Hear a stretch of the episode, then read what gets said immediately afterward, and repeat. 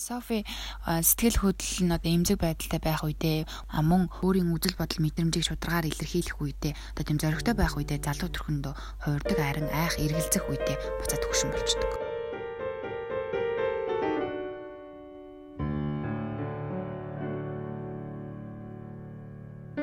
Сайн байцгаана уу? Анима цувралын маань дөрөвч дугаар бэлэн боллоо. Хүлээвэн сонсно?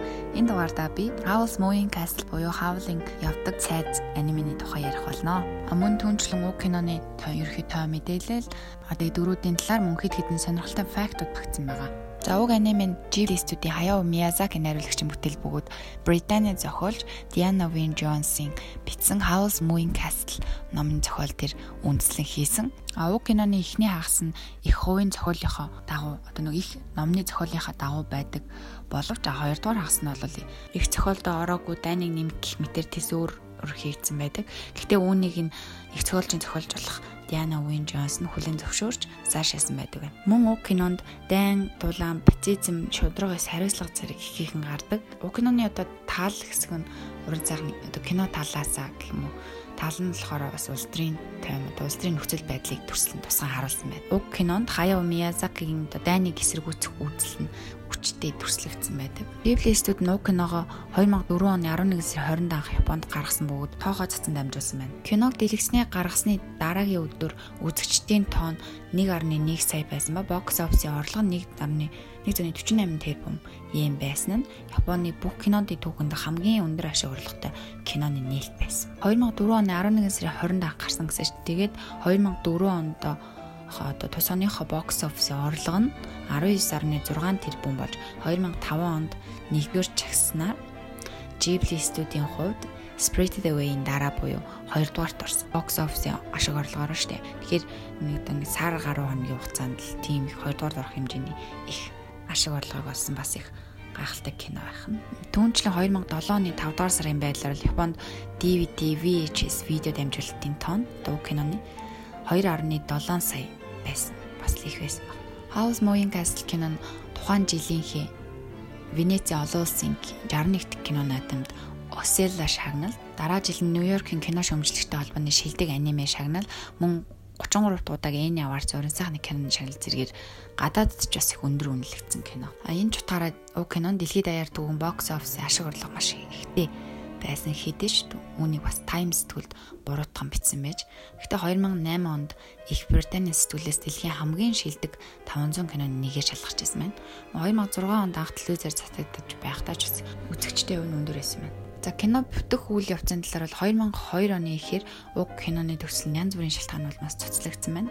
А Ghibli-гийн тал болохоор энэ талаар эргэлзэж байсан хэдий ч Хосодогийн талгийн Хосодо гэдэг нөгөө уг киног найруулахаар найруулагчаар нь одоо томилогдсон хүн байхгүй. Тал нь болохоор Ghibli-тэй, Ghibli студидтэй холбоотойгоор асуудал гарсан гэж мэдэгдсэн байна. Харин хагас жилийн дараа 2003 онд үйлдвэрлэлээ дахин эхлүүлж Hayao Miyazaki удирдан найруулж бичиг хэргийн ажлыг нь хариуцж авсан байна. Тэгээд 2004 онд дэлгэцэнд гарахыг зорин ажилласан ба 2004 оны 1-р сард ус оныхоо намар хүртэл хойшлоосноо зарласан байна. Энэ нь Miyazaki-гийн хувьд бол үйлдвэрлэлийн саадлын улмаас дэлгэцэнд цацах явдал нь хойшлогдсон анхны ажил нэсэн. За киноны дөрүүдийн тухайд бол гол дүр эрэхт бол хаавал нь тосгонд хөөрхөн бүсгүүчүүдийн зүрхийг иддэг гэж цуурхагддаг царайлаг шийдтэн. Маш сайхан сэтгэлтэй. Киноны ихэнд шаргал өстэй яжгаад Софигийн алдааны солиод ичдэр хар өстэй үлдчихдэг.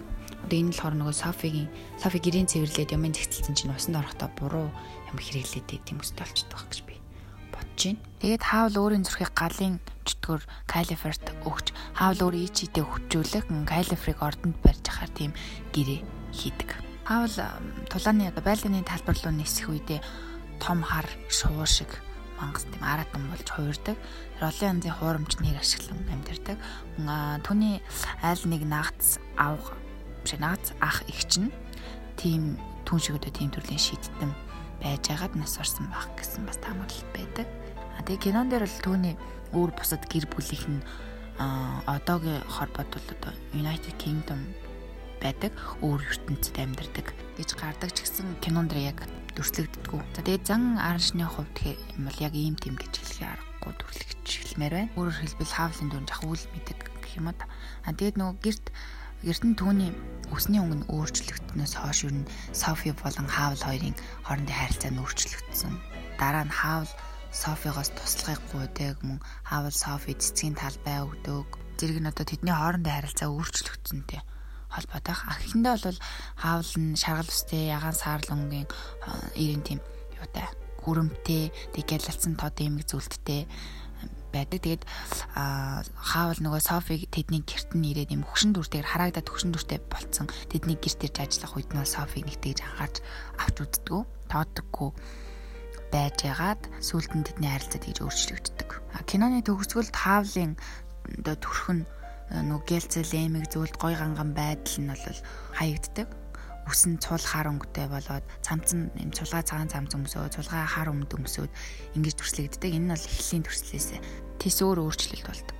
Тэгээд тэр дахиж хизээж тэм гялалцсан ягаан хөөрөм гэлцэл байдалтай малгай өмсдөггүй. А бүр төгсгөлд нь Софитэй одоо хамт аз жаргалаар амьдрахаар явахдаа гэдэг таахгүй ягаан цамцтай болон хар устэйгээр төрслөгддөг. За Софигийн дүрийн тухайд бол тэр их ярихтай дүр тэрээр өөрийн бүх амьдралаа ажиллахад зориулсан түүний дүрийн зураглал нь ч гэсэн бас үүнтэй холбогддог. Жишээ нь тэр дандаа юм цулгуун юм халааж өмсдөг үс нь даруухаас сүлжсэн гизхтэй. А мөн Софи чам малгааны дэлгүүр эзэмшдэг мөн тэндээ өөрөө ажиллаж гой гой ганган тийм малгаануудыг өдөржингөө сууж хийдэг хэрнээ яг өөрийнх нь малгай нь бол маш энгийн загвартай цулгуу малгайдаг. Софи өөрийнхөө сэтгэл хөдлөлийг ер нь даардаг. Тийм ганцаард нь баяр баясгалгүй мөн өөрийгөө хүндэтгэх сэтгэлгүй нэг юм цан харагддаг. А ялангуяа өөрийнх нь дүү летитэй харьцуулах юм бол дүүн их нөхөрсөөг нээлттэй тод галалцсан гэрэлцэн дүр төрхтэй. Тэрэндээ харьцуулах юм бол Софи бол даруухан нэг. Софи Вестийн шуламтай таарлсныхаа дараа түүнд харагддаг. Тэгээд тэгснэр энэ гадна төрх нь өөрчлөгдөж хөгшин болдог. Мөн энэ тэрэн ч гэсэн түүний одоо Софигийн сэтгэл хөдлөл дотор сэтгэл зүйд бас нөлөөлдөг. Харин Софи сэтгэл хөдлөл нь одоо эмзэг байдалтай байх үедээ мөн өөрийн үзэл бодол мэдрэмжийг шударгаар илэрхийлэх үедээ одоо тийм зоригтой байх үедээ залуу төрхөндөө хувирдаг харин айх эргэлзэх үедээ буцаад хөвшин болчдөг. Харин киноны төгсгөлд Софи өөрийнхөө хараалыг арилгаж чаддаг бөгөөд бүр илүү залуухан болон ялалцсан даашинцтай богино өстэй болдог. Одоо илүү өөртөө ихтгэлтэй нээлттэй болдог тэгээд хаавалтай хайр сэтгэлтэй болоод явдсан шүү дээ. За Вестийн шулмын дүр нь тэрээр өөрийгөө тансаг тийм ганган байлгахад ижидээ ашигладаг. Түүний бие нь бол нэг тийм хэлбэр галбиргүй, биетэй гялалцсан тод будалтай, гоёл чимэглэлтэй, ширүүн сүртэй тийм харагдтай. А гадаад төрхөндөө анхаарах одоо бүр өвчин болцсон гэх юм да. Одоо энэ тутгаараа тэгээд Вестийн шулман одоо үзэгчдэд бас муугар бодогддог баг. Хүнлэг бас аюултай төрлийн хүн юм шиг тий. Дараа нь харин тэр өөрийн ичидээ алдснаар жижигэн хөвшин юм эмхтэй болдог. А өмнө нь бол одоо хагас хүний байдал хэм шулмд хувьд тийм исэн бол одоо л яг 100% хүний шинжтэй ордог ч гэсэн баг хэрэгцээгүй хүн болдог. Ингээд Вестийн шулм нь гол сөрөг талын дүрээс хайр тутам юм уу тийм туслах дурд хувирдаг. А эхлээд бол Вестийн шулм 50 жилийн өмнө одоо нөгөө чөтгөртэй хийсэн гэрээгээр хааны удмын гэр бүлээсээ цүлгдсэн тийм шулм байдаг. Харин дараа нь өөрийнхөө нөгөө шидийг алдаад буцаад яг жинхэнэ наснаар очиж өгшин болдог гэсэн дээ. Тэгснийхаа дараа Софи түүнийг одоо бас хаавлын Софи энтерт хамт хаавлын кастл амьдрах болдог. Аа тэгээд тэр үед нь Софи түүнийг имээ гэж дуудаад байдаг. Яг номынхаа зохиол дээр бол Вестийн шулм нилээд үзэсгэлэнтэй мөн бүхэлдээ ерөөсөө зохиолынхоо явцад эхнээсээ дуустал нь тийм хорон санаатай муу дүрээр орсон байдаг ч кинон дээр бол тийм шал өөр эсэргээрээ байдаг нэлээд таран мархан гэсэн шүү дээ. За дараагийн нэг чухал дүр нь бол калифер буюу галынч дүрийн дүр.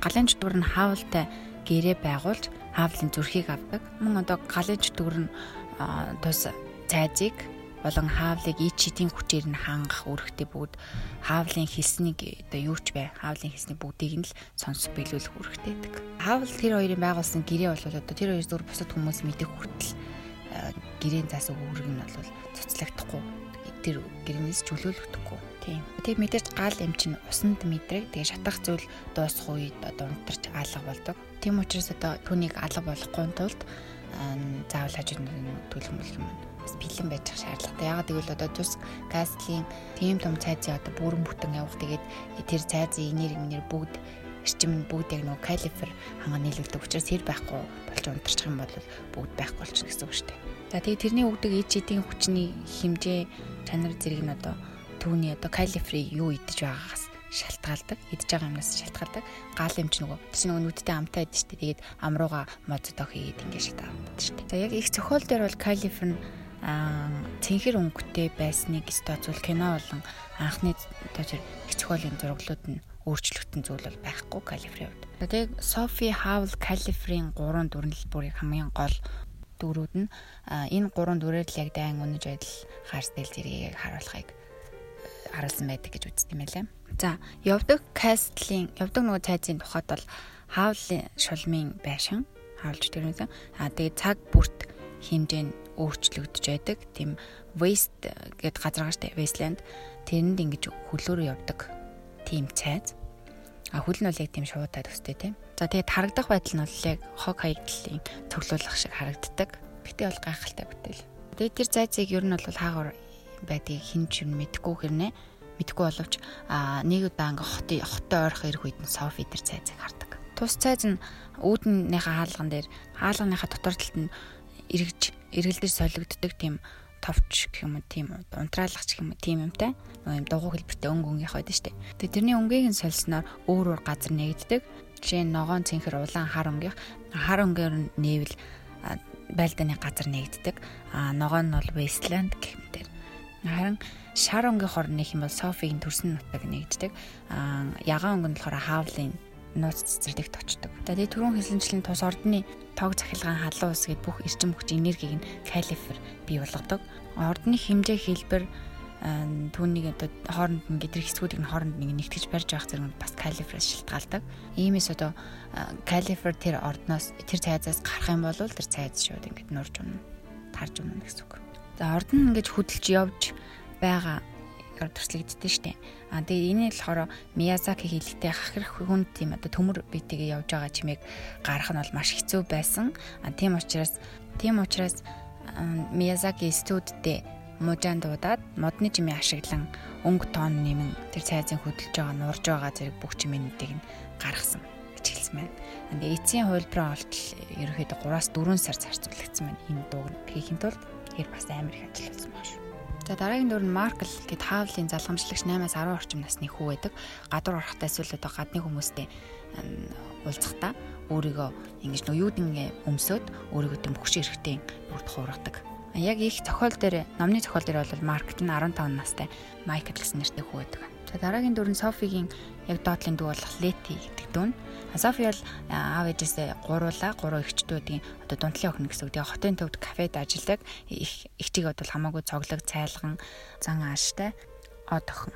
За мөн Софигийн хадам ээж болох Фэни гэсэн эмэгтэй гардаг. Малганы дэлгүүрээ эзэн. Гэхдээ дэлгүүрт ховор ирдэг, дандаа л ер нь гадар явдаг. Тэгээд дараа нөгөө Софи харагдсны дараа дэлгүүрээ хаадаг. Хаагаад өөр дэм баян чинэл хэрэгтэй суудаг.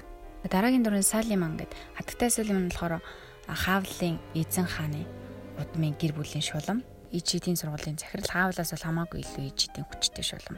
А Салиман яг их номын зохиол дээр нь бол эрэгтэй хүн байдаг ч гэсэн яг кинон дээр бол шал өөр сэргэр эмэгтэй хүн байдаг шүү дээ. За мөн хаан болохоор Софи болон дүн найзууд амьдардаг улсынхан хаан нэгдүгээр бас гардаг. За мануухан дүр нь бас их чухал те. Манайхан нь бас жоохон ич хэдийн хүчтэй. Софи түүнийг Вестландд толгой дээр хараад авардаг. Сандлын дүр бөгөөд хуршуулсан ханху. Тэгээ хараад арсны дараа дайныг эцэслэхээр буцаад улс руугаа явдаг. Одоо тэр ханху нь алга болсон болохоор л тэр хоёр улсын хооронд дайн болоод идэг дээ. За хийн нь болохоор сайлментай холбоотой дүр. Тэгээд таавлыг тандахаар одоо камер байдлаар юм уу түүний нөгөө орд цайз руу явуулдаг хийнийг. Тэгээд шат руу гарч чаддаг юм хөшин нохоо гэдэг ч гэсэн чихээрээ нисдэг тийм нохоо. Тэгээ хэрвээ сайн ажиглах бол дүрний хүл нь бол их шуунах шиг байдаг. Тэгээ яг их Япон кино болон англи нөгөө дуурлага кинон дээр бол хоёулын дээр нь дайжраа хараад гэдэг хүний хаж үжиглэл дээр байдаг байна. За дөрөвдийн тухайд нэг иймэрхүү байлаа. За кинотой холбоотой сонирхолтой фактууд гэх юм бол Хавлын Укиноны Хавлын дүр тоглосон Кристиан Бейл нь хандаа бол Укиноны ямар ч дүрдэн тоглохыг зөвшөөрсөн байна. Гэхдээ гол дүрийн хаавлын дүрд оруулж гисэн. Софигийн амьдардаг хот нь Францад загварчлагдсан байна. Окинаны найруулагч Хаяо Миязаки нь Англи руу 2004 оны 100 их зохиолын номын зохиолч Диана Вин Джонс зохиолчд одоо киногоо хувийн журмаар үзүүлэхээр Англи руу 2004 оны 100 явсан аялсан байна. За Хаяо Миязаки болон одоо уг киноны англи юунд хувилбарт нь Waste-ийн шулмын дөрдөө оруулж жүжигсэн Лаурен хоёр бие биенийгээ маш удаан хугацааны туршид ажлын одоо фэн болж явсан байна. А Нью-Йоркод савтайталтайгаар дэлгэцний гарсныхаа дараа тэд уулзсан юм да. Япон их хөлбөрийн киноны Софигийн хөгшин болон залуу хоёр дүрд нь хоёуланд нь нэг хүн Чеко гэд нэг жүжигчин тоглодог болвол англи хөлбөрт нь бол хоёр өөр хүн хөшин залуу хоёр дүрд нь хоёр өөр хүн дуурайсан байт юм. Маморо Хосода гэх хүн уг нь уг киног найруулахаар анх сонгогдож исэн боловч генет төслөг орхисон учраас Миязаки Хаяо Миязаки найруулагч өөрийнхөө байр суурийг эргэж аван найруулсан баг. Уг зохиолын уг номын одоо зохиолч Диана Вин Джонсон Ghibli студийн төлөөлөгчтэй ер нь бол уулзж байгаагүй. Киноны продакшнтай ч гэсэн ямар ч холбоо хамаарал байгаагүй. Гэсэн тэрээр хэлэхдээ Энэ үнэхээр гайхалтай бүтээлсэн байна. Надад би бол тэр кинонд ямар ч хөрөнгө оруулалт, ямар ч тийм хуу нэмэр оруулаагүй. Энэ бол би зүгээр л зохиол ном бичсэн кино биш гэж хэлсэн байт юм байна. Тэгээ тэр ч утгаараа кино нь бол номноос нь шал өөр сэдвтэй болсон. Таман хаул Софитэй нэг гудамд хамгийн анх таарлахтаа хаулын гарт нь бүгж байдаг. А тэгээд Софиг аваад ингээд дээшээгаа хөөрөд явах үед нь түүний гарт нь нэсэн бүгж нь алга болсон байдаг. Энэ нэг тийм ноцлогтэй учиртайлах. Тэгээд мөн Хаяо Миязакийн тус цайзыг бол кинонд зориулж анх зураагүй Ghibli студийн музейн хоосон зэг бүглэхүр зурсан байсан нэг уг киног хийх үедээ Бошио Сузукийн музейтэй байгаа загварыг ашиглахыг санал болгосон байна. Тэгээд тус кастла тус цайзан хөдлөхийн тулд Хаяо Миязакийн дахин нэг хөл ашиглан төрсөлсөн байна. За Howl's Moving Castle нэг иймэрхүү а та бүхнийг бас одоо дахиад үзээд үзээрэй гэж хэлмээр байна. Аа яг анхааралтай л үзэх бол өөр тийшээ сатаарч мөдөө тэгж үзэх юм бол жоохон ойлгомжгүй кино юм шиг санагддаг. Надад миний хувьд. Одоо тэгээд аниме зурлууд маань сонирхолтой байх гэж найдаж байна. Бас их гой гой сэтгэлүүд ирж байгаа. Баярлалаа та бүхэндээ. Дараагийн дугаараар иргэн олзъя. Баяр таа. За тэгээд санал сэтгэлээ хуваалцсан ревю бичээд рейт хийгээрэй.